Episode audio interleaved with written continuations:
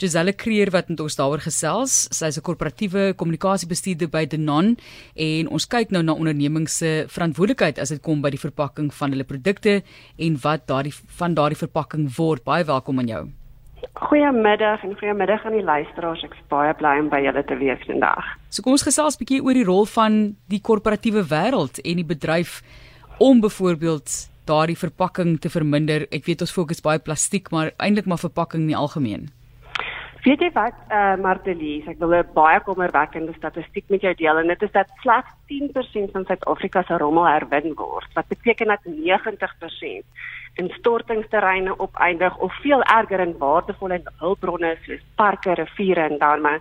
En by Denon het ons besef dat korporatiewe Suid-Afrika groot verantwoordelikheid het om hierdie probleem op te slaan en oplossings te vind om ten einde die planeet te bewaar vir toekomstige generasies. En hoe sal ons dit doen?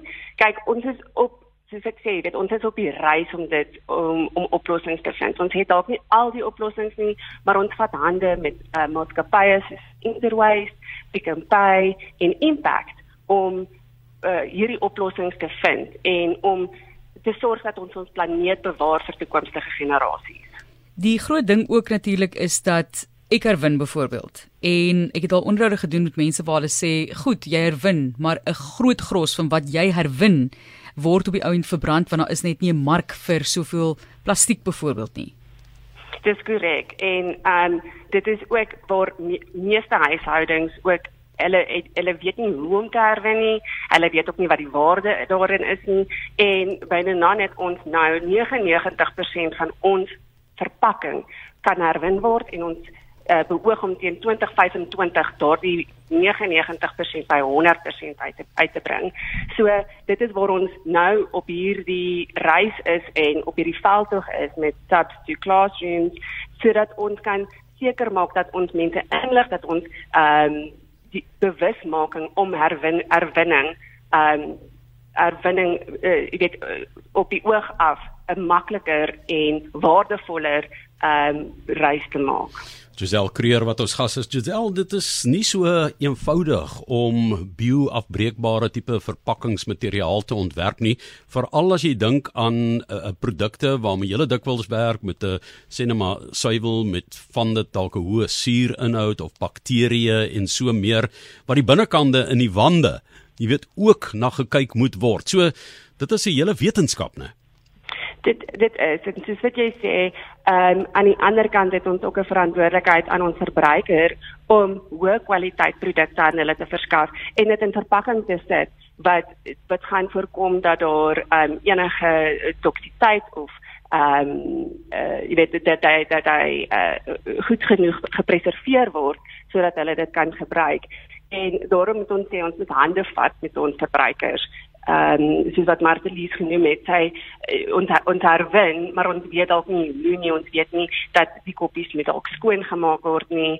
En ehm um, daar dit is hoekom ons die opvoedkunde daar daar agter moet ons ehm um, met ons uh, uh, met ons deurvoer en met met met ons met jonger kinders werk.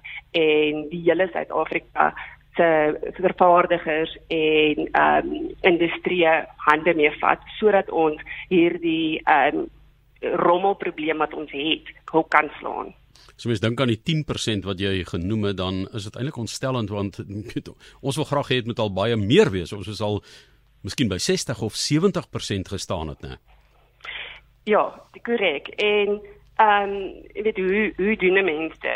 Jy daar's klein keuses en dis wat ons ook by Denon wil hê ons verbruikers moet doen. Begin by klein keuses. Begin by dinge soos ehm uh, vat jou eie sakkies uh, winkels winkels toe. Moenie daardie plastiek sakkie koop nie.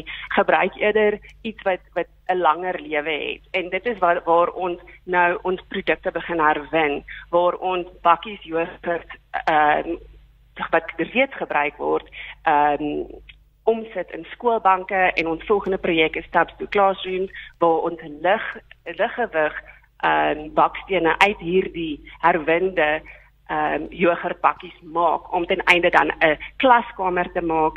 In 2021 het ons byvoorbeeld hierdie One Desk One Child projek begin waar ons 19 ton plastiek uit ehm um, uit uh, uit die uh, stortingsterreine uitgehou het en dit omskep het in 500 bank skoolbankies vir uh, voorskoolse kinders.